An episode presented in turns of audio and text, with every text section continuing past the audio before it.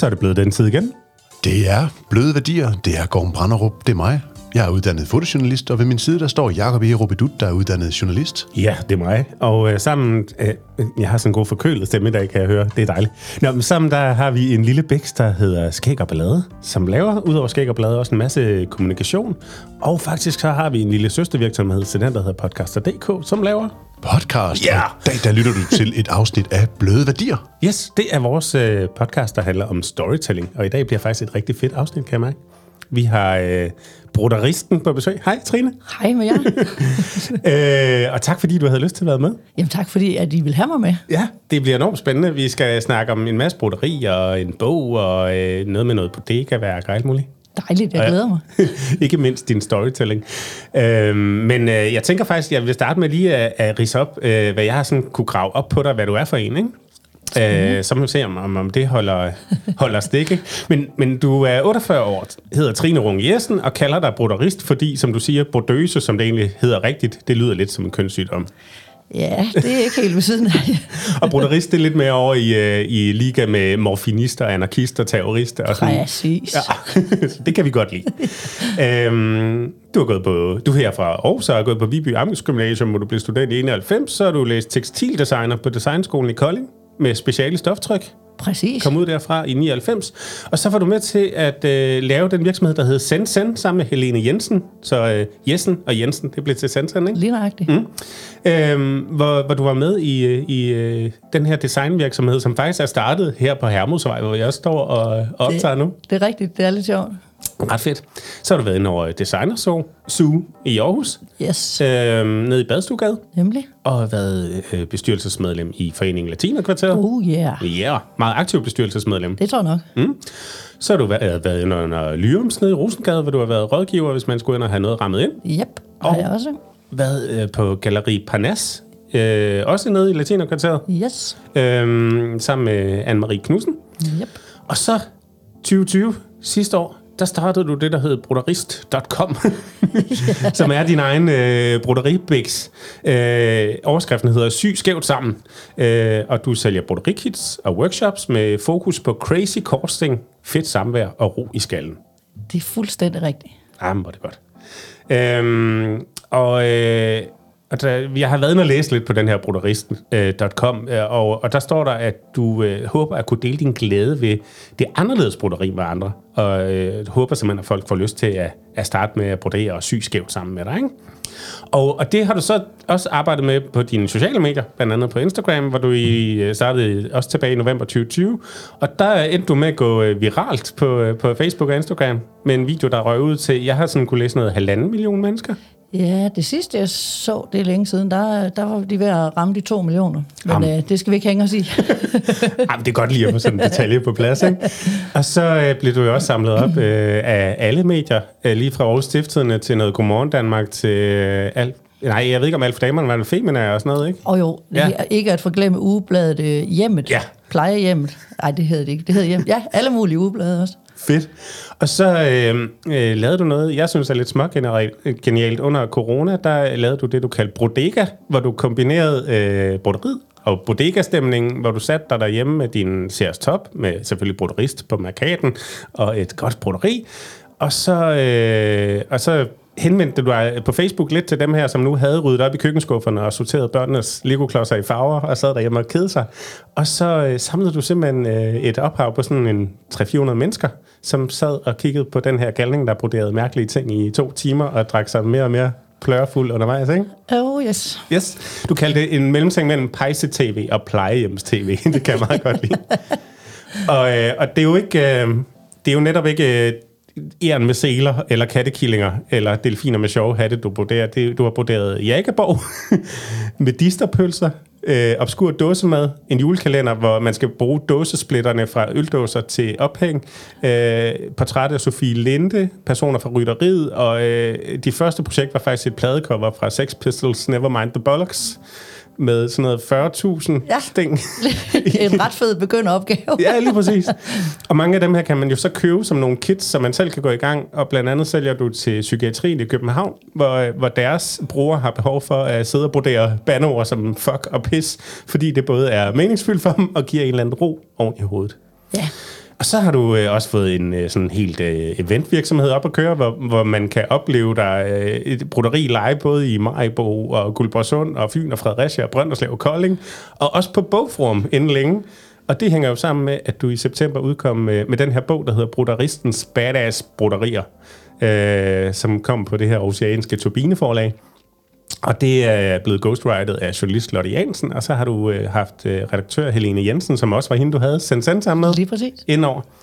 Og helt privat, der er du gift, har to børn, og bor i et øh, byhus på Frederiksbjerg. Og så stamværtshus, det er jo selvfølgelig Boulevardcaféen. Åh oh, ja, det er jeg glad for, at du nævner. eller bare Bulle, som, Bulle, i som man, daglig man tale. siger i daglig tale. Det var ligesom, hvad jeg kunne grave op på dig, Trine. Giver det mening? Det, det giver rigtig flot mening, og jeg er glad for, at der er flere ting, der er udladt, som vi ikke skal gå ind i. Perfekt. Jamen, øh, velkommen til. Nu har vi ligesom fået præsenteret, hvem du er. Nu skal vi snakke storytelling. Yes. Øh, fordi der er jo en høj grad af storytelling i det, du laver øh, af vores påstand. Og nu må vi se, om, om det holder stik, når vi sådan får dykket ned i det. Ja. Øhm, så, så vi plejer egentlig også lige at starte med at rise banen op og sige, hvad er storytelling ikke? egentlig for, for en størrelse? For det er sådan lidt et, et fluffy begreb. Og så plejer jeg lige at kaste over i hovedet på dig, Gorm, og sige, hvad, hvad er storytelling for dig, når vi er inde i det her sådan brodøse broderist? Jamen altså for mig, der er øh, storytelling, det er meget visuelt, fordi jeg er uddannet fotojournalist, og øh, vi er jo i sådan en god blanding af, blanding af noget taktilt og noget pixeleret, øh, hvor man øh, med dine øh, broderistænge, korsstænge, simpelthen laver billeder, som er sådan helt fotorealistiske, men stadigvæk har det her sådan lidt pixelerede udtryk. Og øh, når jeg siger storytelling, så tænker jeg også følelser, rigtig meget formidling af følelser, og når jeg kigger på de fine øh, værker, du har taget med her, jamen så får jeg jo referencer helt tilbage til min, min kære mormor i øh, Røde Krone og Hostrup, som øh, sad og broderede øh, Disney-figurer til mig til mit værelse, som jeg fik rammet ind og, og hang, og havde både Anders Sand og Peter Plys, og jeg ved snart ikke, hvad jeg havde af forskellige fine tegneserier og, og, og, så der er bare sådan nogle fine referencer, når jeg sådan mærker det her øh, taktile stof øh, og den her fine overflade her, som hiver mig helt tilbage i øh, min barndom, øh, og det er, sgu, øh, det er fandme hyggeligt. Så kæmpe velkommen til øh, her. Jo, tak. Jamen, det er sådan meget retro-lagrafil, ikke? Øh, men Trine, hvad, hvad er storytelling for dig? Det her store, fluffy begreb, eller historiefortælling, hvis vi skal... Ja, hvad fanden er det for mig? Altså, øh, jeg tror egentlig dybest set ikke, at det er noget, jeg tænker sådan voldsomt meget over. Øh, men det er klart, at jeg har jo en fortælling, jeg gerne vil ud med i forhold til det, jeg laver. Mm. Øhm, og, og måske er det øh, især vigtigt for mig, fordi at lige præcis sådan noget som øh, broderi, korsstæng, det er der rigtig mange mennesker, der forbinder med nogle lidt anderledes typer, end, øh, end sådan en, som jeg er. Og jeg mm. ved ikke engang lige helt, hvad for en jeg er, men altså, det, det har jo typisk været, ja, Gorm, du nævnte mormødre og tanter og kattedamer og sådan lidt, der jo. har siddet med, med det her. Så i hvert fald, så, så øh, der tror jeg nok, at øh, differentierer mig en lille bitte smule øh, og, og råd jo i en helt anden kategori, fordi jeg netop ikke kan sidde og brodere hundevalpe i robåde og æren med seler og alt det her. Så har jeg jo ligesom øh, været over at finde mit eget univers. Ja. Og, og i det univers, der, øh, det, det kan man jo sige meget om, man kan også lade være. Men, men øh, den fortælling vil jeg jo gerne ud med, fordi at den gør så meget godt for mig. Den har jo gjort, at det der håndarbejde, som øh, jo, ja, som jo simpelthen har været kedeligt for mange, og virkelig, virkelig, what the fuck skal vi brodere? Du kan fucking tro, nej, det kommer mm. ikke til at ske. Mm. At lige nu, der er det jo, øh, det har jo eksploderet. Øh, det må man sige. Folk, de broderer, som fik de nærmest betaling for det, og det er jo pissefedt, fordi det gør så meget godt, øh, synes jeg, ja. øh, på mange måder. Øh, og ved at sætte det ind i en anden fortælling, ved at det er mig og min historie, og det jeg ligesom øh, står for, så tror jeg bare, at det, har, at det kan noget andet lige pludselig. Ja, fedt. Men vi skal dykke meget mere ned i sådan de enkelte elementer af, af det, vi sådan har kunne pille i af, af din storytelling. Men jeg synes lige, du skal præsentere os for, øh, for vores Aarhus jingles, som ved Gud også er storytelling, og faktisk passer utrolig godt ind. Gom, du kaldte det lidt broderi på lyd. Jamen, det er, sådan, det er følelsen i hvert fald, men, ja. men, men det vækker i mig. Det er broderi på lyd, ja. Det kan lytterne jo selv lige vurdere. Det er i hvert fald uh, Henrik Palke, der har lavet den her.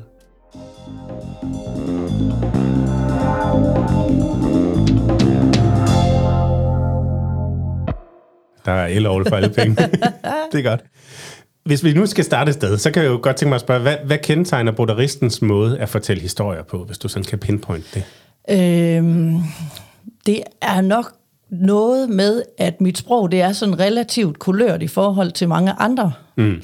Øh, min far han er gammel sømand, og ja. øh, der bliver altså tegnet og fortalt derhjemme. Det gør han stadigvæk med, med stor overbevisning og fuld øh, entusiasme. Så hvis man øh, ligesom kan gøre en god historie bedre, ja. så skal man altså være et svin, hvis man lader være. Perfekt. Eller, så, så det er jo noget med, at... Øh, ja, sprogligt er der jo i hvert fald helt sikkert noget, hvor, hvor jeg er nok er lidt anderledes. Øh, ja. Bramfri? Ja, måske nok sådan. Ja. Også det der med, altså der er jo det der saying med, at man kan ødelægge en, en god historie med for meget fakta, ikke? Er, ja. er, er det også en, en vej, du bevæger dig ned af nogle gange med... Jeg tror sgu ikke, jeg tænker så meget over det i virkeligheden. Øh, det, det kommer. Det kommer bare. Mm. Øh, ja. Så, altså, det leder mig lidt videre til, hvorfor har du så valgt at bruge lige præcis den her stil og tone, når du så er ude og snakke som, som broderisten? Er det, er, det, er det dig sådan helt? Det er fordi, det er mig. Jeg kan ikke andet. Nej. Altså, det vil sige, jeg kan jo godt begå mig i møblerede lokaler og tale sådan rigtig pænt, og jeg ved også godt, hvad side, gaffel og kniv, knive og sådan noget, de skal ligge til og sådan noget. Så jeg kan godt, men jeg vil helst ikke. Øhm, så det er, altså, what you see is what you get. Er det, er det noget, der har clashet tidligere, tænker jeg, i andre øh, sammenhænge? At... Nej, fordi min mor, hun er så heldigvis ikke gammel sømand. Så jeg vil sige, jeg har fået noget andet ind også. Så øh, uden at være blevet sådan helt skizofren, vil jeg sige, så kan jeg godt øh, lidt af hvert. Mm. Øhm, og jeg tror, kombinationen, den, øh, den kan noget. Ja. Og du, altså, du har sagt på et tidspunkt det der med, at mange forbinder broderi med damer på 7.000 år med 50 katte. Ikke? Hvordan har reaktionen været på at så mixe øh, broderiet, den her elgamle, fine kunst, og så bajer og bodega og den her stemning? Jamen, det er jo gået lige rent ind, fordi jeg tror rent faktisk ikke, der er ret mange kvinder i dag, måske heller ikke, men jeg ved det ikke, øh, som er identificerer sig selv som nogen på 7.000 år med 50 katte og som i øvrigt er helt tosset med at lave klokkestrenge og alt sådan noget gøjl der. Øh, så det der med, at man lige pludselig har kunne se en, som man i hvert fald måske delvist kunne identificere sig med, sidde og lave noget, som man tænker, hey, det er sgu da sjovt det der, eller det gad jeg godt at lave. Ja. Det kan helt klart øh, noget. På den måde, altså, det, jeg, jeg har jo ikke opfundet korsstængene. Det er der nogle andre flinke folk, der har hjulpet med for længe siden. Jo, tak for det. Øh, ja, det er jeg sgu også glad for. Øh, men det, man kan sige, det er jo meget min motivvalg, der ligesom gør forskellen. Og så selvfølgelig den her, øh, jeg ved ikke, ja, fortælling, det ved jeg sgu ikke, men altså, at, at det er mig, ja. sådan som jeg nu er. Og jeg, ja, jeg går på værtshus, jeg går ikke på café, øh, og så videre. Altså, det, sådan er der mange andre, der også har det. Ja. Så i virkeligheden, så tror jeg sgu ikke, at jeg er så anderledes end så mange andre. Nej, det ved jeg ikke. Første gang vi snakkede sammen, der var sådan, jeg har skulle lige været på værtshus med ældresagen. og det grinede jeg lidt af, ikke? Altså, det, det sætter en tone allerede fra start af. ja. Jeg tænker, der er jo meget medvind i det her. Der er virkelig mange, der synes, det er fantastisk. Det var gang. Er der nogen, der har slået sig på at tage broderiet og kombinere det med, med det brune? Altså, jeg vil sige, hvis der er, så er de gået meget stille med det. Okay. Øh, og, og ikke fortalt mig om det. Nej. Øhm, og det synes jeg jo er ret pragtfuldt, og også i øvrigt en ting, som jeg har øh, undret mig over øh, lidt i forhold til det her, at fordi i dag folk de hisser sig op over alt muligt på nettet skælder ud og alt muligt. Jeg har ikke fået en eneste træls kommentar. Jeg har ikke fået en eneste dosk e-mail eller noget som helst. Folk er bare fucking glade og synes, det er mega sjovt. Ej, hvor fedt. Ja. Så det er bare kvalig kærlighed fra dag et? Fuldstændig. Skønt.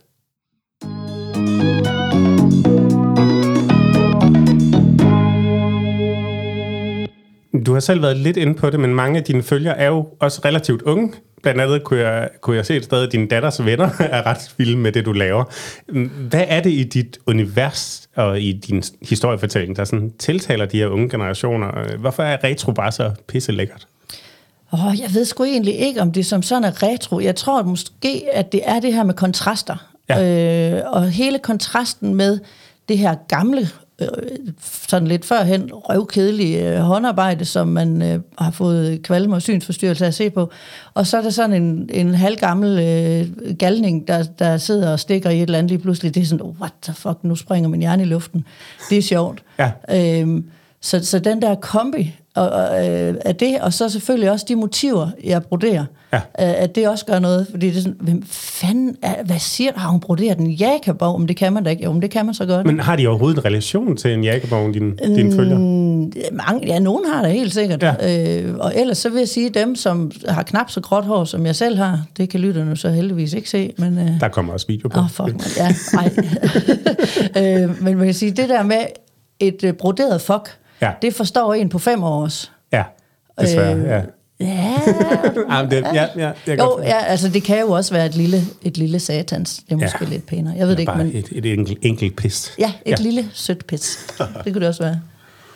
Altså for mig så er det jo lidt den, den, den kvindelige uh, kaptajn Haddock, vi har stående over for os. Altså jeg, jeg, jeg er pjattet med det. Hvordan, men, men ja, ja, åh, ja. Et er at sidde og lave sit håndværk sådan inde på, øh, på, på værelset, og, og, og bare sidde og nørde det og lave jakaborg og sådan nogle ting. Hvornår fanden fik du det ud i, i verden? Altså, kom din datters veninder ind forbi og så, at øh, her der var der skulle øh, noget, som, som kunne noget? Altså, jeg tænker, der må være noget til at tage det spring. Jamen altså, egentlig så har jeg jo altid kun broderet for min egen skyld, så jeg har aldrig skulle præstere noget med det. Og det synes jeg stadigvæk ikke, jeg skal. Altså, jeg broderer kun noget, jeg synes, der er sjovt, eller fedt, eller et eller andet, der tiltaler mig på en eller anden måde. Og så tror jeg bare, fordi jeg har jo knaldt nogle af dem op på væggen derhjemme, så hænger der jo en stor sømandstatoveringer, og Jakaborgen blandt andet også. Der er hængt forskelligt. Øhm, og det er jo klart, når folk de kom hjem til, så siger okay, hvad fuck er det, du har lavet nu? Ikke? Øhm, og, synes, og de synes, det var sjovt. Øhm, og så tror jeg bare, at øh, jeg ved sgu ikke, det stak jo en smule af øh, der under coronaen, Ja, det må man sige. øh, hvor jeg sad og tænkte, jeg skulle i hvert fald ikke tilbage til det arbejde, jeg havde haft, og øh, så tænkte jeg, jeg tror jeg skulle lige at brodere lidt, mens jeg finder ud af, hvad jeg så skal. Og så skete virkeligheden. og så, ja, altså lidt sjovt, fordi så har jeg jo ikke øh, været stoppet siden. Nej. Øhm, og så, så det her famøse klip, der var på TV2 Østjylland, øhm, det, det gik jo helt øh, crazy viralt. Og det var jo virkelig mange unge mennesker, der syntes, det var pisseskægt. Fordi der sad den der gamle galning af en kvinde, der, eller var det i virkeligheden Stuart Stardust, eller hvem var det, der sad og bandede og svoglede, ikke? Og øh, der kan jeg huske, min datter, hun kom hjem fra skole, hun var lige startet en ny skole, og sagde, det skulle sådan forklare, hvem, hvem er vi, vores forældre og alt det pis der. Og så hendes, veninde, eller hendes klassekammerat, så, så, da hun sagde, ja, min far er ingeniør, og min mor broderer sådan, ej, har du set hende, den der tosser der? Så, og så, ja, det er sådan faktisk lidt min mor.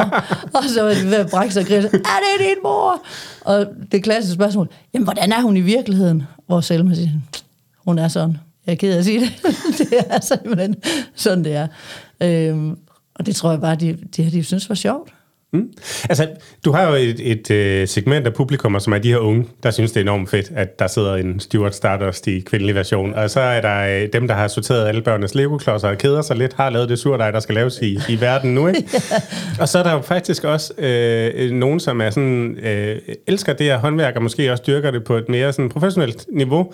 Øh, jeg er selv øh, heldig at have en hustru derhjemme, som er uddannet på håndarbejdets fremme, og hun ser også enormt meget op til dig, og synes, du er sådan en rockstjerne inden for det her, ikke? Øh, og, og, og da jeg snakkede med hende i går om, at jeg skulle tale med dig, der var hun sådan lidt, at broderi, det er jo faktisk det er jo et elgammelt erhverv og videnskab. I Danmark, der øh, kunne jeg læse, det kan dateres til 1350 før vores tidsregning. Ikke? Så der er utrolig meget kultur i det her broderi. Øh, og folkedragter, og, og altså, øh, hun var ude i, at man kunne faktisk i nogle steder sådan aflæse i kultur og stammer i deres øh, typer af broderi, når du kom til Mellemøsten og, og længere sydpå. Øh, så, så hvad tænker du egentlig om, at du også er med til at videreføre et historisk håndværk? Har du gjort dig nogle tanker om det? Øh, nej, det har jeg jo ikke sådan egentlig gjort fra starten af, men det er klart, det har jeg da tænkt over sidenhen, at, øh, at det er jo lidt crazy. Og i virkeligheden, så tror jeg, det jeg synes, der er allerfedest, det er, at folk de får øjnene op for den her type håndarbejde, mm. at den kan noget. Og, og det er jo fabelagtigt, at den er en milliard år gammel, men det er egentlig, altså det er sgu egentlig ikke noget, der interesserer mig sådan su- super meget. Mm. Men, men jeg synes, det er fedt det der med, når jeg får beskeder fra mødre, der sender billeder, hvor de sidder og broderer med deres drengebørn, der sidder og savler en lille smule, fordi de skal koncentrere sig helt vildt, og de bare elsker det. Ja. Altså, det synes jeg er mega fedt, at, at øh, på den måde, at det er ligesom kommet... Øh, Ja, altså ud af skammekrogen og så op på øh, knagerækken med de rå læderfrakker. ja. øh, der hænger det sgu meget godt lige nu, synes jeg. Så det er ikke, altså du ser der ikke sådan, de kører ofte et indslag sådan i fjernsynet med, sådan, nu er der en ny bødger, eller en ny øh, tækkemand, eller et eller andet, det der med de gamle håndværk, der bliver holdt i hævd. Det lyder ikke som om, det er den vej, du sådan har søgt ned af. Ikke bevidst, vil jeg sige, men jeg synes at det er mega fedt. Jeg er da super glad for, at jeg har været med til at kunne sparke lidt mere liv i det her mm. øh, broderi, fordi det virkelig kan noget. Og øh, jeg kan jo se, at der er rigtig mange mænd også blandt mine kunder. Mm. Øh, jeg har da to motorcykelklubber, ikke? synes jeg skulle da er meget Hold godt. for sig, så laver de lige rygmærker. Præcis. Ej, Ej, hvor Ej, er- det ved jeg sgu ikke lige, om det gør. Det plejer at være maskinbroderet, men det er i hvert fald at tage med det. Ja. Og, øhm, og det er jo bare fordi, det er matematik. Ja. Så øh, der tænker jeg, der kan de fleste mænd godt være med. Ja, helt sikkert. Hvor, øh, hvor siger du, at matematikken kommer ind i det her? Bare lige for at sætte et par ord på. Ja, altså det er jo fordi, det, du nævnte selv det her med pixels, og øh, jeg, øh, jeg vil sige, hvis man har prøvet at lave en perleplade, sådan en firkantet øh, fætter der, man mm. sætter perler på, så er det fuldstændig det samme i virkeligheden. Så det handler bare om, at det, det er et mønster, der består af pixels. Små firkanter. Mm. Små krydser er det jo så, når man broderer perler, når man laver perleplader. Øhm, og så derfor, så hvis man kan se, hvis man kan forestille sig sådan en ternblok over fra brusen af, og sidde og kigge på den med en masse krydser på, så er det jo simpelthen bare at følge skemaet. Sådan mm. at sænke slagskibagtigt noget, ikke? Det er, jo- det er også noget, der er svært at gøre forkert, ikke? Et eller andet sted. Hvis du bare følger mønster, så får du et produkt Yes. på den anden ende, som ligner noget, ikke? Og så tænker jeg, så kan det variere i, hvor, hvor flot det er, men, men du har et produkt i sidste ende, ikke? Helt Hvis du bare sikkert. følger mønstret. Jeg tror også, øh, der hvor, hvor min tilgang den ændrer sig radikalt og markant i forhold til mange andre, der, har, der underviser i, i korsting eller broderi i det hele taget, det er jo, at jeg er pisse ligeglad med bagsiden. Ja. Og det har jo været sådan en ting, øh, sådan traditionelt set, at så skal for- bagsiden være lige så flot som forsiden. Ja. Og der har jeg bare sådan en, fuck den bagside. Hvem fanden skal nogensinde glo på den, ikke? Jeg synes, det er fuldkommen ligegyldigt. Bare man får knaldt nogle krydser om på forsiden, så kan man altid rode rundt med at lave en pæn bagside, hvis det er det, man øh, ligesom... Det er det mest subtile til. oprør, jeg nogensinde har oplevet. altså, det, er sådan rock and roll virkelig på sådan et, et, et, et, et, et, et første verdenslandsniveau, ikke? Jeg er jo også gammel punker. så- Jamen, Ja, ja, det, det, den er god, den der, altså fuck bagsiden, men, men altså, jeg, jeg, det daler lige en lille hurtig smule ved det der med pixel, fordi jeg er jo så gammel, jeg kan huske de gamle billedrørs øh, tv, hvor man jo, når man sad sådan helt tæt på dem, Ja, så kunne man ja. jo se de her små, i dag der er det bare så højt opløseligt alle sammen, så det, det, det var sådan, jeg var lige helt tilbage i den der, og fuck bagsiden, altså, Men, men, men Trine, hvis vi lige skal hoppe tilbage i storytelling, fordi Ja. ja. det er derfor, vi står her i dag. Øh, du har lidt snakket om det, men jeg kunne godt tænke mig at dykke ned i, hvor meget Trine er der i brodderisten omvendt? Er det, er, det, er det også lidt en karakter, du tager på? Øh, eller altså, kan brodderisten i virkeligheden holde fri en gang imellem, hvor du så bare er Trine? Mm, Jeg tror sgu nok egentlig, at det er meget det samme. Altså, jeg vil sige, øh, det er klart, når der er nogen, der, der går forbi mig på gaden, og tilfældigvis kan kende mig og råber, hey, fuck, man, der er prollerist, hey, og sådan. Pis. Og, ja, ja, pis, mand.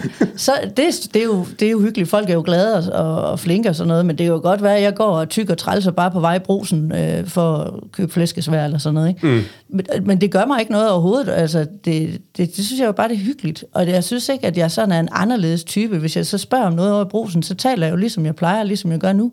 Så ja. der er jo ikke på den måde, at jeg er ikke en anden. Eller det er en, det er klart, hvis jeg skal stå på en scene og skal underholde øh, øh, en masse mennesker, så øh, har der måske lidt mere adrenalin i, i kroppen, end jeg har, når jeg er brusen. Øh, ej, det har jeg nok helt sikkert, vil jeg sige, for der har jeg som regel ikke super meget adrenalin kørende.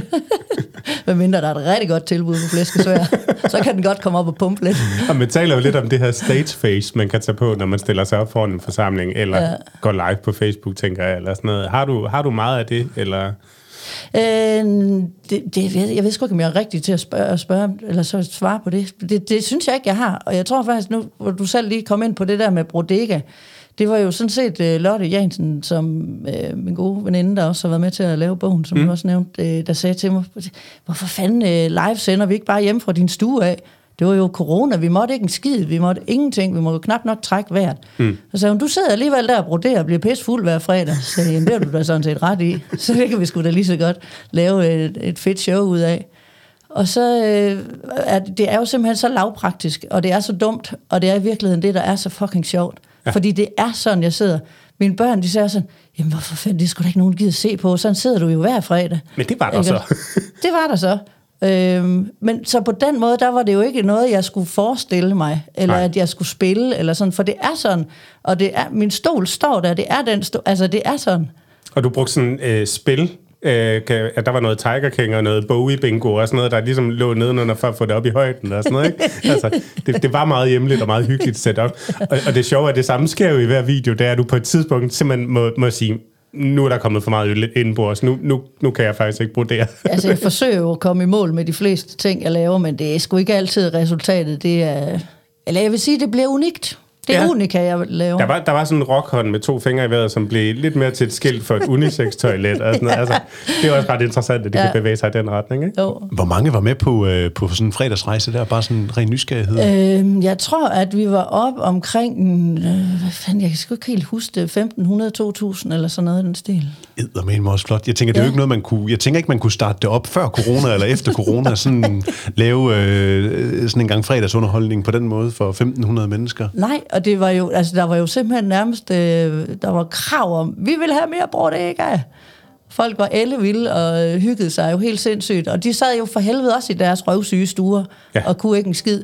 Så der blev jo simpelthen købt ind, og der sendt øh, billeder til mig med, nu er der blommer i Madeira på tilbud i Rema, skynd dig ned og køb, og, og er det okay, jeg drikker det her boblevand? Altså, det vil jeg sgu, det er jeg da ligeglad med, du kan da bare fyre i halsen, hvad du har lyst til, ikke?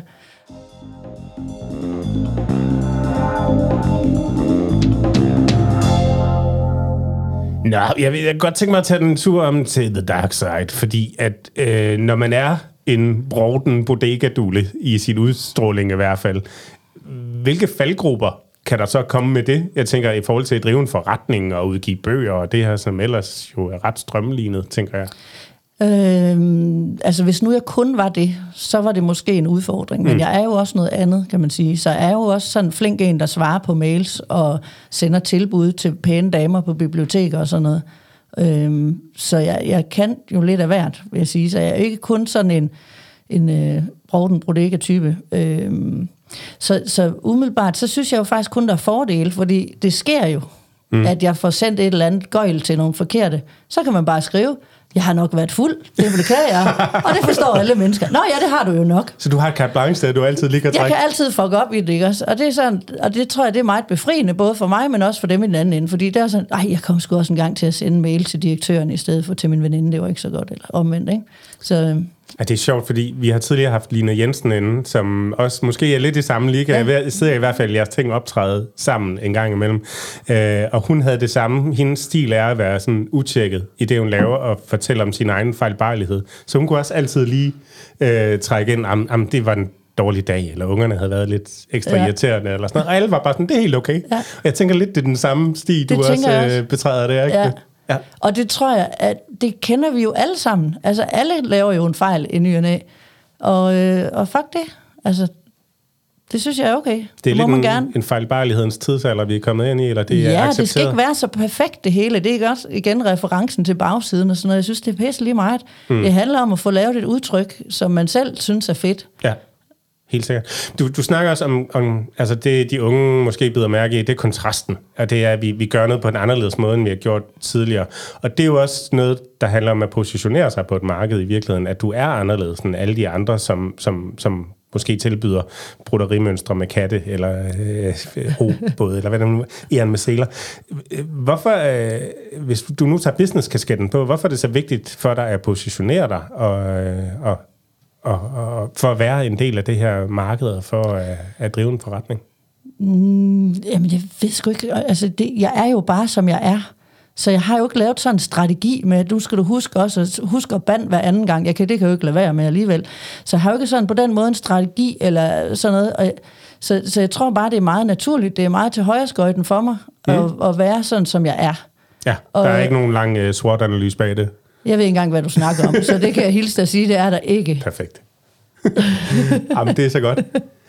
Øhm, og, og det her med, at, at du så er kommet med en bog nu, hvordan kan man tage den her fortælling om fællesskab og bodegastemning og så videreføre den i en bog? Det tænker jeg, det må være, være svært at arbejde med, med det format. Ah, altså, når man, nu man har fået lov til at sætte sit eget badass-hold af pisdygtige folk, mm. Helene og Lotte, og, øh, og mig selv selvfølgelig. David, og David Bering, tænker jeg også, Montgomery, de har også Uh, gjort et glimrende stykke arbejde det er i, glad for, uh, du på nævner. billedsiden. Ja, det er, det er helt sindssygt. Det er et skud ud til David. Altså, hold nu kæft. Han er awesome. Virkelig, virkelig dygtig. Øhm, jeg vil sige, det har, det har været... Det har været en fest at lave den bog. Mm. Det har virkelig været en fest. Vi har fået frie rammer øh, til at lave den. Så, så der er kun det i, jeg synes, der er sjovt. Og det gør jo en væsentlig forskel, at jeg ikke har fået at vide, nu skulle du lave en sjov bog. Ja. For eksempel, lav, kan du ikke lave noget skægt med broderi, så havde jeg jo lagt mig ned og, det ved jeg ikke, drukket tusind øl og ikke lavet en bog. Nu kunne vi selv styre det. Og, øh, og det har været mega sjovt. Altså det mest udfordrende, vil jeg sige, det har faktisk været lavet det kapitel, der er om teknik. Fordi det her, jeg plejer jo bare at kunne lave en video, Ja. og så få det kogt ned i så få billeder som muligt, uden at man øh, bliver sindssyg over at se på det. Jeg hader selv at læse sådan noget, ikke? Ja. Så jeg har spejset det lidt op med noget øl, fordi håndarbejde på promiller, det synes jeg jo trods alt, det er sjovest. Så derfor så er der jo lidt øl med, Ja. så man kan se, at øh, det er en mulighed.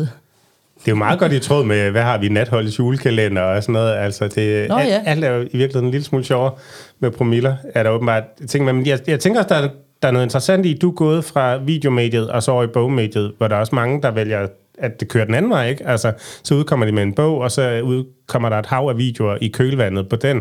Øh, hvor- hvordan er historien med den her bog? Er det Turbine-forlaget, der bare så en succes og tænkte, den skal vi have? Eller hvordan er det blevet til? Det, det må jeg sige, det er, det er, det er Turbine-forlaget, der, øh, der rykkede hurtigt. Ja. Øh, Marie Brock, som er forlagsdirektør dernede, øh, skrev til mig, halløj du, og det viser sig, at øh, vi er gamle genboer fra min tid i Latinekvarteret. Ej, det er så sjovt. øh, det er nemlig lidt skægt. Så, hvad fanden, er du på et forlag? Det var jeg jo ikke engang klar over. Men det var hun, og er hun. Og, øh, og så kom den der bog sådan øh, rimelig hurtigt i stand, øh, fordi jeg netop fik lov til at lave den selv med min egen hold, og kunne se det sjove i det. Og øh, ja, så er det jo bare løbet afsted ud over stepperne med den. Mm. Den har været ude i, hvad, jeg ved ikke engang, den udkom den 3. september. Ja. Så den har ikke været ude så længe, og allerede gået i andet oplag, så det er jo lidt crazy. Og forlaget har jo slet ikke noget, altså vi har ikke noget at sammenligne med, selvom de udgiver rigtig mange håndarbejdsbøger. Så kan man sige, det er jo ikke en klassisk håndarbejdsbog. Nej, jeg tænker, den øh, kommer til at ligge under træet øh, i, i mange julestuer rundt omkring. Hvad, hvad, hvad, hvad skal broderisten lave på bogform? Jeg tænker, det er, det er en anderledes bodega at træde ind på. Ja, jeg ved det faktisk alt talt ikke rigtigt. Det finder jeg nok ud af en 5-6 øh, minutter, inden jeg går på scenen. Men, men noget med en kold særes måske, tænker jeg. det bliver helt sikkert noget med en kold CS. Alt går med en kold CS. Jamen, jeg tænker, det er, det er sgu skønt. Jeg, jeg, jeg sad også lige og tænkte på, at under juletræet, altså, det er sgu en, en god gave at give til, øh, til alle, der interesserer sig en lille smule for håndværk. Altså, jeg har jo altid selv, da jeg var yngre, elsket det fag i skolen og lærer og alt, hvad der overhovedet sådan kunne få tiden til at gå, og hvor man ligesom kunne synke ind i sine egne tanker og forfine noget og gøre noget flottere og pænere. Og, og der er det sgu bare dejligt at se, at, at man kan lykkes med det. Og hvornår, øh, altså hvem, hvem går ind og sådan tænker hele øh, konceptet om det? Er det dig, der har tænkt det hele vejen igennem, eller? Altså, det er jo kommet løbende og gradvist, og der vil jeg jo sige, Lotte Jansen, hun er min siamesiske tvilling, og er en knivskarp journalist med mange års erfaring, og øh, jeg skal hilse at sige, at øh, hun, øh, hun hjælper mig rigtig meget med mange ting. Mm. Øh, og, fordi jeg er jo også typen, jeg siger bare, ja, ja, det er skide godt, det gør vi, og kan godt være hurtig på aftrækkeren, hvor Lotte en gang imellem siger, det kan godt være, at vi lige skal vinkle den lidt anderledes. Nå, det gør du bare så. Nej, det Jamen- så, så på den måde, så, er det jo, så får jeg noget mega god sparring. Ja, for jeg tænker, det er sundt netop at have de der bolde og kunne spille nogen op imod. Ja. Også, øh, der skal jo også være noget, der kan betale en, en husleje og sådan nogle ting, mm. og en udgivelse og alle mulige andre ting. Ja. Og der, der må det jo være fedt, at man ligesom har fundet en, en, en uh, borderisten.com og har fået bygget denne her persona op omkring ja. dig, som jo er bare dig, og helt ærligt er bare dig, ja. fordi det er du virkelig. Ja. Altså, jeg har jo været mega heldig at have nogle gode folk omkring mig, vil jeg sige. Jeg har også en rigtig god øh, veninde, Anne-Katrine Håndsbæk, som er grafiker, og som har lavet min hjemmeside. Og det var jo længe inden alt det her gøjl, det er ligesom sådan for alvor øh, stak af. Ikke? Sådan, Anne, kan du ikke hjælpe mig med en hjemmeside? Jo, selvfølgelig kan jeg det. Og øh, der var det jo mega fedt, at man øh, kender nogle mennesker. Altså, jeg vil sige, jeg har jo gået på designskolen, som du også nævnte tidligere, mm. så jeg har jo også et fagligt fundament at stå på. Så Helt alt klart. det her gøjleri, som jo er en stor del af mig, og som det er sådan, jeg taler, og det er sådan, jeg ser ud, og det er sådan, jeg gør, mm. øh, det er en ting, men der er også en faglighed i det. Og mm. den har Lotte især været meget ops på, hver gang jeg har skulle et eller andet, siger hun, eller nu skal du huske at fortælle, at du sådan set også har fået SU i fem år, og du egentlig godt kan det der. Fordi det hurtigt kan komme til at lyde sådan lidt, ah, Stuart starter også igen, ikke? Og jeg elsker jo Stuart, så det er slet ikke noget der. Men, men så jeg tror, kombinationen af, at, øh, at det er gak og det er gøjl, men der er også virkelig noget substans i det. Jamen, vi kender det jo. Altså, vi hedder selv Skæg og Blad, ikke? Ja. Og det tror vi også kun at kalde os, fordi vi hviler i vores faglighed, fordi i den, når du først er begyndt at gå ned ad den der gagagøjlstige, så kan ja. Det nemt også blive meget overfladisk og Lige meget... præcis. Så, så det er, altså den der med at have fagligheden fuldstændig i hus, Ja. så giver det noget ekstra. og Det så giver det noget tyngde, og så giver det nogle virkelig gode fortællinger. Men, men du skal virkelig også kunne stå på, at du så kan noget, at du Lige kan levere, præcis. når det kommer til Lige nøjagtigt. Ja. Men det er jo også der, hvor magien den opstår, når man hviler i sig selv, og at man ved, at man kan gribe ned i, i håndtasken og hive håndværket op ja. og, og smide på bordet. Ja. Og det kan man jo se med den her bog, og den måde, du formidler på. Altså, det er jo et, et, et, et, et, nogle utrolig flotte ting, som også ligger her foran os, som du har lavet. Så kæmpe, kæmpe kado. Og så tænker jeg, altså, der er virkelig et credo her, der kommer igen, når du fortæller om din journalistveninde, som har været god til at netop, du siger, finde vinklen. Og der er en dygtig grafiker, som har været inde over, og en pissegod fotograf i, i David Ja. Bering, som har taget billedet og sådan noget, som jo er meget det vi også prøver at sige, altså du kan mange ting selv, men måske skal man nogle gange gøre det, man er allerbedst til, og så få nogle dygtige fagfolk til at hjælpe en med at gøre ens historie skarpere, for eksempel, eller 100p. hvad det nu kan være. Ikke? 100 b. Og så vil jeg sige, det her med, at de mennesker, der har hjulpet mig, det er jo nogen, jeg kender, det er jo mine venner. Ja. Det gør også en væsentlig forskel, fordi de kender mig til hudløshed. Nogle Ja. gange lidt for godt, men altså... De det er kan fange dit DNA. Det ikke? kan de nemlig lige præcis. Jeg vil sige, Helene, øh, som jeg jo havde sendt med, som også har været en stor del af, af bogen her, har jo også, altså vi har jo haft firma i mange, mange år, så hun ved fuldstændig, hun kan se på mig og sige, ah, okay, det er godt, at vi lige rykker den til højre eller venstre, eller hvad det nu skal være. Og det synes jeg er en kæmpe stor fordel. Og, og så har der jo ikke ligget en eller anden skarpskåret øh, forretningsplan med alle mulige fucking punkter, med ting, jeg skulle huske at gøre og sige og sådan noget, fordi det, det ville jeg have været faldet i vandet på. Ja. Jeg, jeg egner mig ikke til det. Jeg bliver tosset over Excel-ark. Jeg magter det ikke. Og lavkagediagrammer og sådan noget. Det er slet ikke mig. Øh, Så det, det er der nogle andre, der må rode med. Sådan tror jeg i virkeligheden, der er rigtig mange, der har det. Ja. Men bare tænker, at det skal være den vej, jeg skal gå ned af. Jeg Ja. skal kunne det, og nu må jeg lære det og sådan noget. Ikke? Ja. Altså, hvor, hvor i virkeligheden, hvis du fokuserer på det, du er rigtig god til, øh, så, så tænker jeg ofte, at man, man kommer længere. Ikke? Helt sikkert. Men er der, er der nogle konkrete eksempler på, at en øh, Helene for eksempel er gået ind og har sagt, mm, det her, det er, det er ikke brodderistens badass broderier, et Jamen materiale. det, eller- jamen, det, jo, øh, det er der helt sikkert. Det, jeg kan sgu nok bare ikke huske dem. Men altså, det, har jo, det er jo en proces, det ja. her med at lave sådan en bog. Så der har jo været rigtig mange ting frem og tilbage. Der har været mange skriverier frem og tilbage, der har kørt imellem os, og der har været rigtig mange øh, designoplæg. Skal vi lave det? Skal vi lave det? Øh, og der har Helene helt, helt sikkert været med til at fange nogle ting og sige, ej, vi gider sgu ikke at lave det her. Vi la- hvad, med en, hvad med at lave en oplukker i stedet for? Gud, det var da genialt. Vi laver en oplukker til tændstiktøjet, ikke? Ja. Eller sådan noget. Så, så helt sikkert er der nogen, der har fanget noget der. Er det ligesom øh, de store rockstjerner, som har øh, sangskrivere? At der simpelthen er, er folk, der, øh, der, der kommer med... Øh, Vi har et nyt hit her.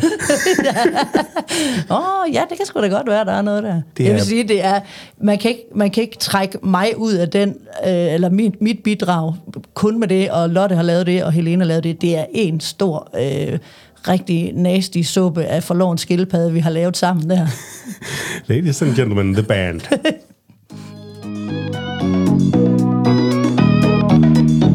Men den her klare historie har jo også gjort, at der har været medier, der har stået i kø. Øh, nærmest fra den her øh, video begyndte at, at, komme ud. Ikke? Så hvorfor er medierne så vilde med brodderisten? Jeg tror, fordi at jeg er lidt en type. Altså, hvis mm. jeg skal være helt ærlig, så tror jeg, at jeg, altså selvom jeg synes, jeg er meget almindelig, så tror jeg bare, at der er mange, der synes, jeg er lidt ualmindelig, på sådan en meget fed måde. Og så er det jo måske bare sjovt at have sådan et indslag øh, med en, der er lidt anderledes og gør tingene på en anden måde. Og der vil jeg sige igen, der er det jo vigtigt for mig, at jeg ikke ender som en gøjler. Ja. Fordi det er jeg egentlig ikke. Øh, jeg, jeg, der har været en del, der har henvendt sig, produktionsselskaber, der gerne vil lave tv med mig. Altså, øh, tv? Lad os lige øh, vende kajakken. Det ved jeg sgu ikke lige, om jeg er interesseret i. Fordi det lynhurtigt kan blive sådan en øh, ting, hvor der sidder sådan en halvfuld støder type som mig, og, og det bliver bare hurtigt sølle. Og, eller det kan det blive, hvis Ja. ja. ikke at vinkelen tak Lotte, er i orden, eller at det er nogle dygtige folk, der, der er bag det. Ja. Så, så derfor så er det jo klart, at, jeg, at der, der bekymrer jeg mig jo selvfølgelig om, eller ikke bekymrer mig, der tænker jeg da lige en tanke eller to, inden jeg siger ja tak til noget. Hvad er det lige, det går ud på? Hvad er det for nogle mennesker, og hvad, hvem kommer de ud til? Og mm. det er ikke for at være særlig, øh, hvad hedder det, rockstar-agtig overhovedet, men øh, jeg vil godt være lidt forberedt på, hvad det er. Jamen, det er også fordi, jeg tænker, det er at varetage det brand, du har bygget op. Altså, en, uden sammenligning i øvrigt, så er der jo for eksempel store 24-7 radioprogrammer, som er gået fra at være på radioen, som er blevet tv-formater, øh, med blandet succes, fordi ja. at måske egnede det sig i virkeligheden ikke til det, så jeg tænker, der, ja.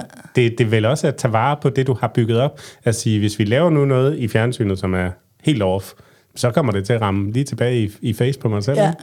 Jeg vil også sige, at der er mange, der har henvendt sig og sagt, du skal da tage penge for de der bodegaer, du er da fuldstændig bindegal, er du tosset, mand? Folk vil da hjertens gerne betale for det. Jeg var sådan, du har fuldstændig misforstået, hvad det her det går ud på. Mm. Det her, det er simpelthen for sjov. Det er mega skægt, og det holder max, fordi det er hjemme i min stue, og det er det her format, hvor vi alle sammen kan tjekke ind og være med. Det skal aldrig nogensinde koste mig som 25 øre på mm. nogen måde. Fordi det er en kæmpe stor, fed oplevelse for dem, der er med, og vi har det, altså vi er jo nærmest øh, kommet i familie med hinanden, sådan føles det jo nærmest, ikke? Ja, ja. Jeg synes, der ligger et eller andet sjovt, og jeg kan ikke rigtig formulere spørgsmålet, men jeg prøver lige at sætte lidt ord på den her med, at man laver noget, som bliver så stor en succes, og man bygger op, og du så stadigvæk kan stå her i dag og sådan træde ud og så se dig selv sådan i tredje person, og denne her karakter skal gøre sådan og sådan og sådan. Altså, jeg synes, der er et eller andet spændende i, at man kan Altså, du har identificeret, at der er broderisten, som, som, som kan det her, og som er øh, en forretningsting, eller som er et persona, og så kan du stå ved siden af og sige, at jeg skal også passe på, at jeg ikke gør for meget i den retning, fordi så bliver det sølle, og det bliver en, Åh, oh, jeg kan ikke formulere det gode spørgsmål Måske til det. er det i virkeligheden noget, men hvordan finder du grænsen? Altså, hvordan afsøger du? Er det bare dit indre kompas, eller har du... Det er bare det er mit indre kompas, Lotte, vil jeg sige. Og det er, jo, det er jo ikke sådan noget med, at jeg har 65 af sådan nogle henvendelser, jeg skal tage stilling til hver dag overhovedet. Der kommer jo bare noget i ny og næ, hvor jeg sådan sjældent gang lige tænker, mm, er det en god idé, det her? Mm. Er det egentlig en god idé? Og det skal jeg jo selvfølgelig mærke efter, om er det, altså nu har, hvad hedder det, jordmøder for ligeløn henvendt sig for lang tid siden. De kæmper jo en helvedes kamp mod det her tjenestemandsreform, og hvad fanden ved jeg. Hmm. Og så skriver de og spørger, kunne du tænke dig at støtte vores kamp øh, med et broderi, med et eller andet øh, lotteri, de laver, eller hvad fanden det var. Og som udspørger siger, ja, det vil jeg mega gerne. Det, I skal fandme have nogle ordentlige forhold. Og der kunne jeg ikke lade være med lige at vente med Lotte alligevel, fordi jeg har sådan, jeg gider ikke at have at være politisk som sådan. Jeg vil ikke have sådan en politisk platform, hvor jeg begynder at advokere for alle mulige ting, jeg selv øh, hisser mig helt sindssygt op over. Mm. Der er heller ikke så mange i øvrigt.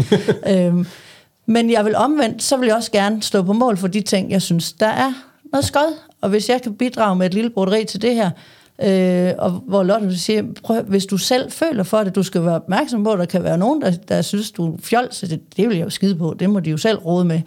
Men så har jeg bare lige fået sådan lidt input til, mm, nej, okay, så kan jeg tage højde for det, så det jeg skide på, og så laver jeg et broderi for, øh, til jordmøderne, og det har de så fået, og det er de glade for. Mm. Slut. Ja.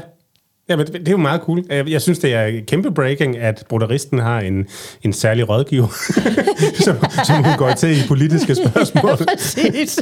Vi har sådan en dag om ugen, hvor vi lige vender. Så kan vi kalde det venindekaffe, eller... Spin doctor Ja, præcis. Ja. Jamen, det, det er smukt. Jeg kunne egentlig også Øh, det, det lyder som, medierne elsker dig, ikke? Og, og du er god til at fortælle din historie. Og, og der er jo også øh, et, et publikum. Er der, er der nogen sådan, er vi ude noget med nogle superfans også? Er der nogen, der er begyndt at sende dig billeder eller ting, ja, de har lavet? Eller så mange flotte ting. Det er helt crazy. Fortæl altså. om det. Hvad har du Jamen, altså, jeg har for eksempel fået en kop af en, der hedder Sus. Den er jeg meget glad for. Og der er hun simpelthen, hun er grafiker, har ja. jeg jo så siden erfart. Og hun er simpelthen sammensat det mønstret på den her kop af alle mulige bizarre ord, jeg har sagt under brodegaer. Ja. Til et meget, meget flot mønster. Det er virkelig crazy lavet. Jeg har fået, øh, jeg har fået flere kasser med kattetunger, øh, specialøl, det havde de så ikke behøvet, men øh, tanken var Nej, der du er mere til en øh, helt simpel serie. En slavetop, det ved man hvad, så er jeg glad. Øh, jeg har sgu også lige fået et halsterklæde, der er en, der har strikket mit logo i 67 forskellige måder. Ja, ja. Altså, var der ikke også noget med noget fodbold? Øh... Jo, jo, jo, er tosset, Var det Elkær, eller hvad? Ja, ja, jeg er jo kæmpe stor Preben Elkær-fan. Kæmpe stor. Preben, han holder max. Så du har fået Preben Elkær hashtag I love Elkær, står der. Fordi sådan et havde min mormor strikket til mig, da jeg var lille. Og ja. det er, jeg er sikker på, at der er nogen, der har stjålet det. Det er væk i hvert fald. Så er der en, der har lavet et nyt til mig. Ej, det er stort. Må du ikke glemme det nede på bulle? Er du tosset, mand? det kommer ikke ud af huset. Øh, Når du nu går rundt ned i brusen næste gang, og folk i højere grad begynder at råbe øh, fuck efter dig og, og alt det her, er der så nogle gange, du har lyst til at slukke for brodderisten og bare sige, prøv at, det er privat, Trine? Nej, ikke, ikke når jeg bevæger mig rundt ude i det offentlige rum. Det, det er folk, de siger, må skulle sige, hvad de vil. Ja. Jeg vil sige, det, når man sådan sidder med nogle venner et sted, så kan det være lidt spøjst, at der er nogen, der kommer hen midt i en eller anden snak, sådan og, hej, hej, undskyld, jeg bliver simpelthen lige nødt til at forstyrre. Men det er også sødt. Folk er jo søde og glade. Ja. Så der, jeg har i hvert fald til gode at opleve en narrøv, der siger et eller andet. Ikke? Det Ja. har jeg ikke prøvet endnu. Har du oplevet tatovering? Er der nogen, der har et øh, korsstingsbroderet fuck på armen eller noget? Det er der helt sikkert, men, Jamen. men ikke nogen, der sådan øh, har vist mig det. Men øh, Oh, det var en gratis her. Ja. Øh, Den kan I bare tage og løbe.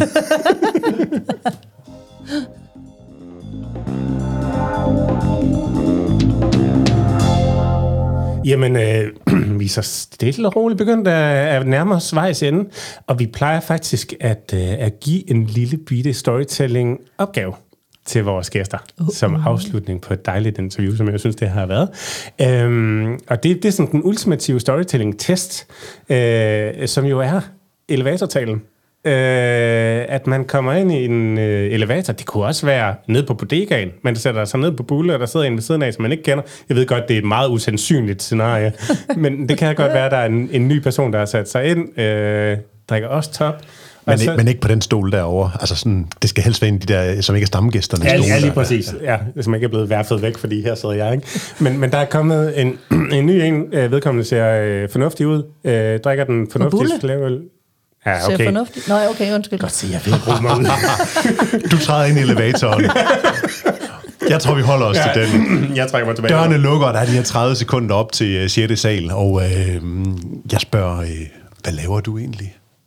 Oh, jeg er jo simpelthen typen, der broderer og drikker bajer og banner og svogler for fulde Gaddafi og underholder en masse mennesker med korsstæng, selvom man skulle tro, det var muligt, det kunne lade sig gøre. Men det er det, jeg gør. Men Kan du, kan du leve af det? Det kan du sige med, tror jeg, kan. Kæmpe sejt. Det er spændende. Trine, tusind tak, fordi du gad være med. Uh, Tusind tak, fordi jeg måtte være med. Kæmpe fornøjelse. Lige måde.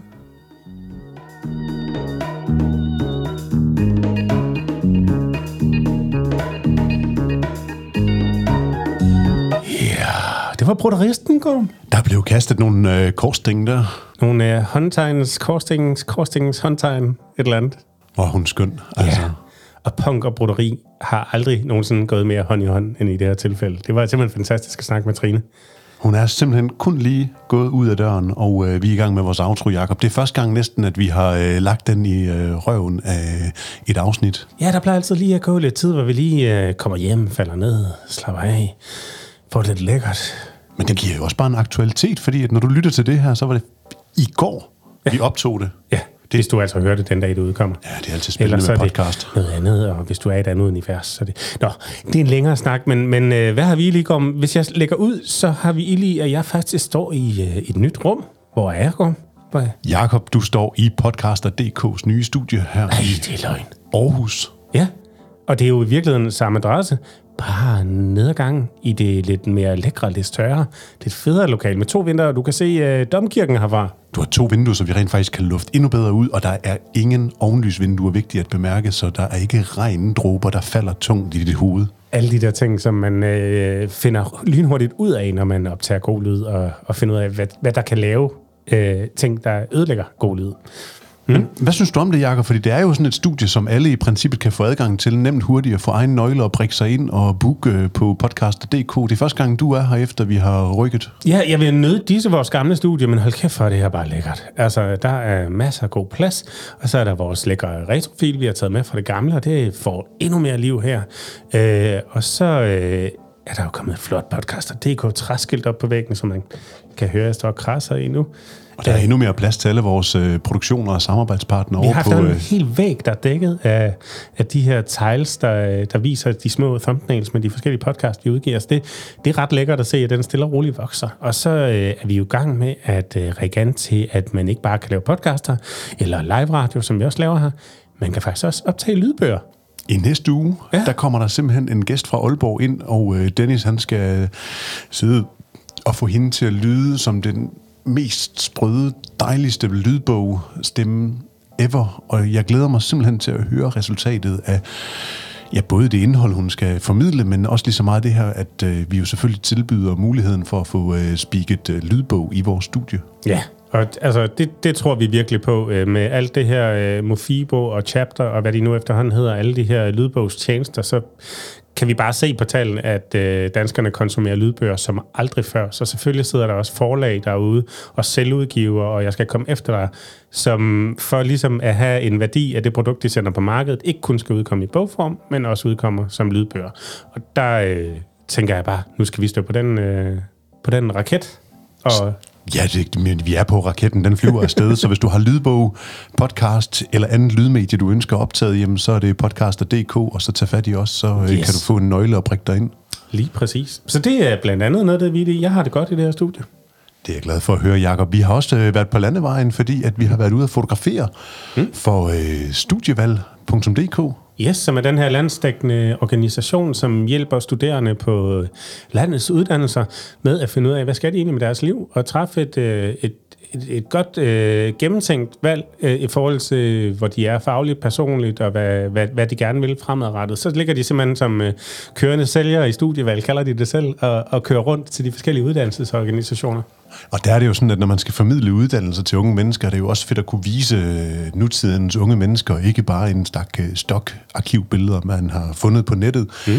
Så opgaven lød på at øh, hjælpe dem med at formidle deres uddannelser visuelt. Så vi har været ude på besøg på øh, et par gymnasier og et par erhvervsuddannelser, mm. snedkeruddannelsen og sosu-uddannelsen, for ligesom at indkapsle noget af det, man kan blive som ung menneske, der er ude og søge uddannelse. Ja, og du havde dit øh, store, flotte kamera med, og et øh, flash-setup, som skyder sådan dit af hele tiden. Og øh, i, øh, ikke, altså, det er en opgave, der har været undervejs længe. Så skete der noget, der hed corona. Jeg ved ikke, om jeg har hørt om det. Og i lang tid var det noget med, at de studerende rendte rundt med mundbind på. Vi blev enige om, der er de ikke så fede at tage billeder af. Vi vil hellere vente til det her skidt, det kan tages af igen, og der var vi så nået til nu. Øh, Så opgaven hed, at der skulle tages en ordentlig stak billeder af de her smukke unge mennesker og de smukke unge vejledere. Men så øh, kontaktede Studievalg.dk os også og spurgte, om de havde mul- vi havde mulighed for at producere en film, mens vi var derude. Og der er vi jo den der svejserkniv, der, der kan det hele. Så det, det var ret fedt. Så, så mig, et videokamera på min øh, gimbal, øh, og så ellers bare ud ved siden af dig, og så prøve at skyde udenom dit blitzlys, hvilket var en kæmpe udfordring. Øh, fordi at, at den her flash jo bare gik af sådan med jævne mellemrum, og, og jeg kunne godt se, at det materiale, jeg kunne bruge til noget, det var det, der lå mellem flashlysene. Men fed udfordring, og øh, videoen er nu under godkendelse, og de er blevet rigtig glade for resultatet. Ja, så man kan sige, når jeg kaster en flash op i loftet, så er det jo egentlig for at bløde øh, lyset op og prøve at skabe nogle, nogle lyse, klare, lette billeder, som de kan bruge til at formidle deres uddannelse med. Og, der kan man sige, der trækker jeg jo rigtig meget på øh, min fotografiske erfaring. Og så gjorde jeg det faktisk kun for at udfordre dig, for jeg vidste, at du skulle filme, så jeg kunne egentlig godt undlade den der flash der. Motherfucker you. Nej, men, fordi for mig, så var det et spørgsmål om, at det hele tiden lignede, at det var tordenvejr i Herning. og der var et lyn, der ligesom var uden for vinduerne hele tiden. Men, øh, men det har givet mig noget at arbejde med, og dogmer og en udfordring, og det kan jeg faktisk godt lide gå. Jeg synes, du har lavet øh, og begået en rigtig, rigtig fin lille visuel øh, filmisk øh, fortælling, som øh, indkapsler øh, de her studievejledere, som er kørende i studievalg. Var det det, du kaldte det? Ja, lige præcis. Du er sød.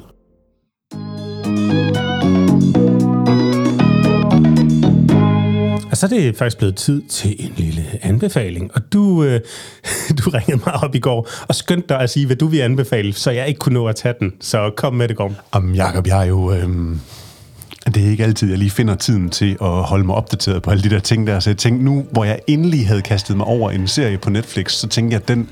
Jeg blev simpelthen nødt til at disclaime, at den ville jeg simpelthen tage i min anbefaling. Fair nok. Og øh, jeg synes, nye ting kan godt være spændende, og jeg synes, I skal lytte til øh, noget asiatisk øh, popkultur i det her afsnit her, så skal jeg nok folde det lidt mere ud. 지금 이 자리에 계신 여러분들은 모두 감당할 수 없는 빚을 지고 삶의 벼랑 끝에 서 계신 분들입니다.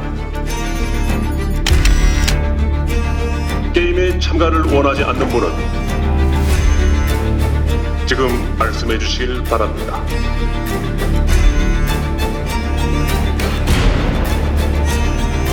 무궁화 꽃이 피었습니다입니다.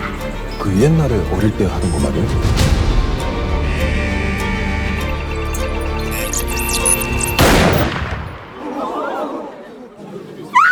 Vi er øh, i et øh, asiatisk popkultur, kaldte jeg det, og, og, og det er sgu... Øh, det er vildt. Altså, jeg er lidt fascineret af denne her ver- verden ude i Østen, og det, de kan.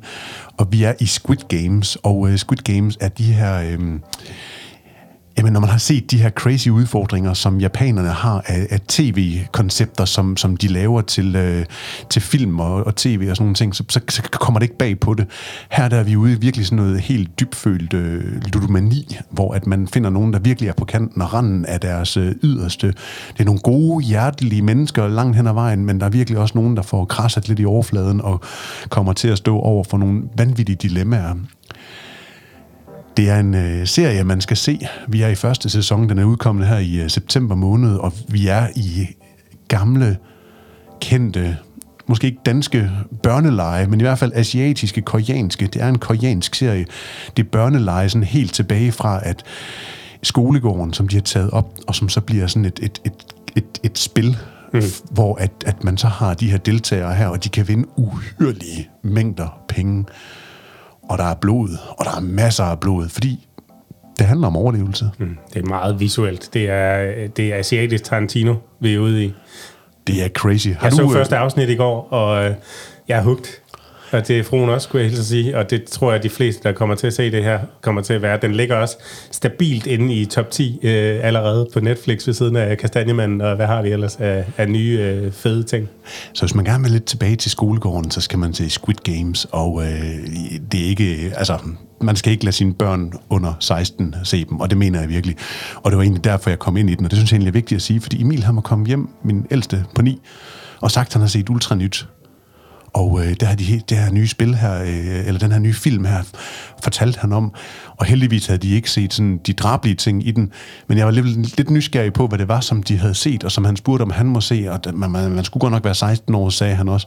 Men om han måtte se den. Altså, jeg sagde, samme aften, så sagde jeg, eller dagen efter, så sagde jeg, nej, det kan jeg love dig for, at det bliver ikke tilfældet, fordi at der skal du skulle være noget ældre, før du får lov til det. Så det kommer faktisk ud af øh, min 9-årige knæk, der har set det på Ultranyt, som gjorde, at jeg hoppede ind i det og øh, begyndte at se øh, serien. Det, øh, det er en smuk fortælling. Nå, men ved du hvad, jeg har faktisk også øh, set noget på, øh, på et øh, endnu større lavet. Jeg, jeg har bevæget mig uden for lejligheden, og det må vi nu, og øh, uden mundbind eller noget, så har jeg simpelthen været i biffen. Og, øh, og set et, øh, et øh, lidet, flatterende portræt af gode gamle Karen Bliksen. En pagt. Et helligt. Et magisk løfte. Og sådan en pagt vil jeg tilbyde dem.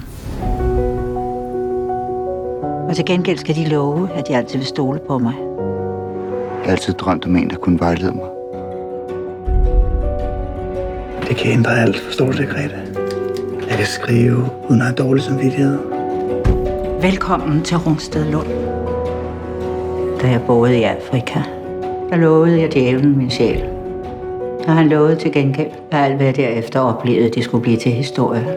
Det drejer sig om den film, som hedder Pakten, og som ingen mindre end Bille August øh, står bag.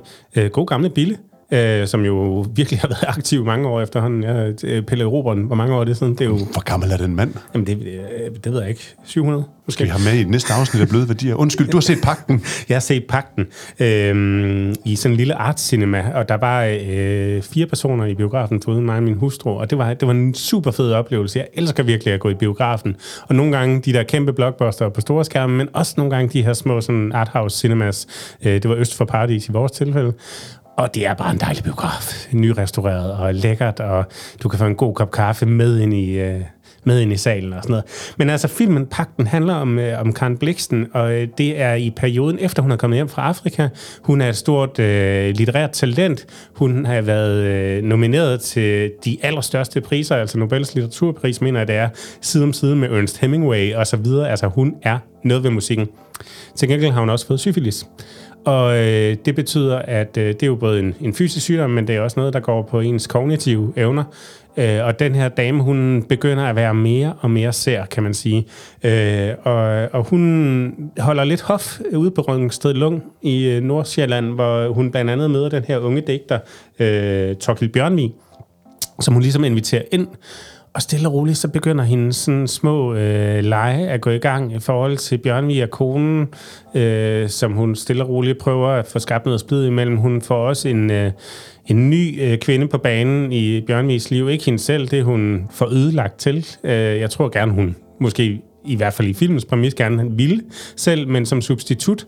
Øh, for det erotiske, hun så ikke kan, der, der hiver hun øh, Benedikte ind. Og det er altså en ægte historie, vi taler om her. Den er selvfølgelig dramatiseret. Og, og et lille side, sjov sidenote, det er, Benedikte spilles af Asta August, som er Billes datter og gør det fremragende faktisk.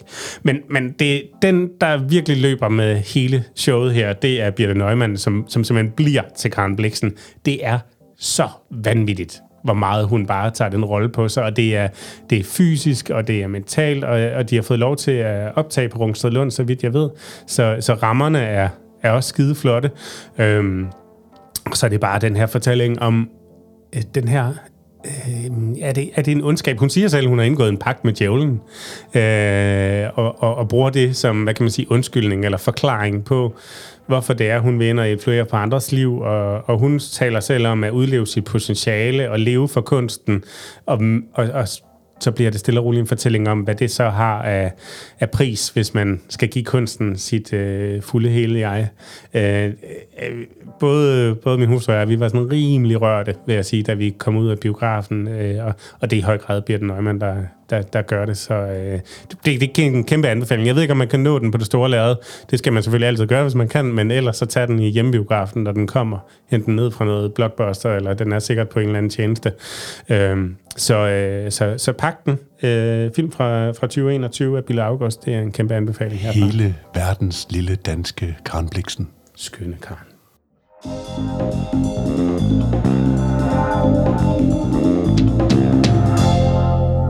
Skal vi ikke smide en lille teaser, går? Jo, det skal vi da. Ej, du laver sjove stemmer. Hvorfor gør du det? Hallo, er der nogen? Man skulle næsten tro, det var en stemmeskuespiller, vi skulle have med næste gang. Øh, hvor skal vi hen, du? Hold kæft, Hugo. Hold kæft, men lige siden elevatoren, der har jeg bare elsket sådan at prøve på at se, om jeg kunne lyde som, som Hugo dengang. Og, du nailer den, vil jeg sige. Ej, det er jeg sgu glad for. Jeg har fandme også øh, øvet mig i mange år. Var det, det, Hugo, han hoppede ikke på isflager, det var Osvald, var det ikke? Jo, jo, det var det. Hugo, han skulle vælge døre. Ja. Og så ringede man ind og trykkede taster. Ja, så skulle han hoppe hen ad den der pixelerede skærm, for lige at blive det pixelerede udtryk der, hvor han sådan inde i skoven og svingede sig. Og, ja. ja, ja. Næste afsnits gæst har ikke lagt stemme til Hugo. Det er jo dig, Gorm, der har gjort det. Det har vi så fået debunket nu. Nej, det er, det er Pumba. Ja, blandt andet. Og så er det... Uh... Don Canars. Uh, fra Luftens Helte. Scooby-Doo. Scooby-Doo. Mumitrollene. Ja, Mumi fra Mumitrollene. Jamen, det er jo vanvittigt. Det er Lars Tisgaard. Ja, han er stemmeskuespiller, uddannet skuespiller, og, og mange kender ham fra hele hans stemmeunivers, hvor han øh, arbejder øh, meget dedikeret, meget seriøst, meget professionelt med det her øh, stemmearbejde, som mange kender især fra tegnefilmen. Ikke?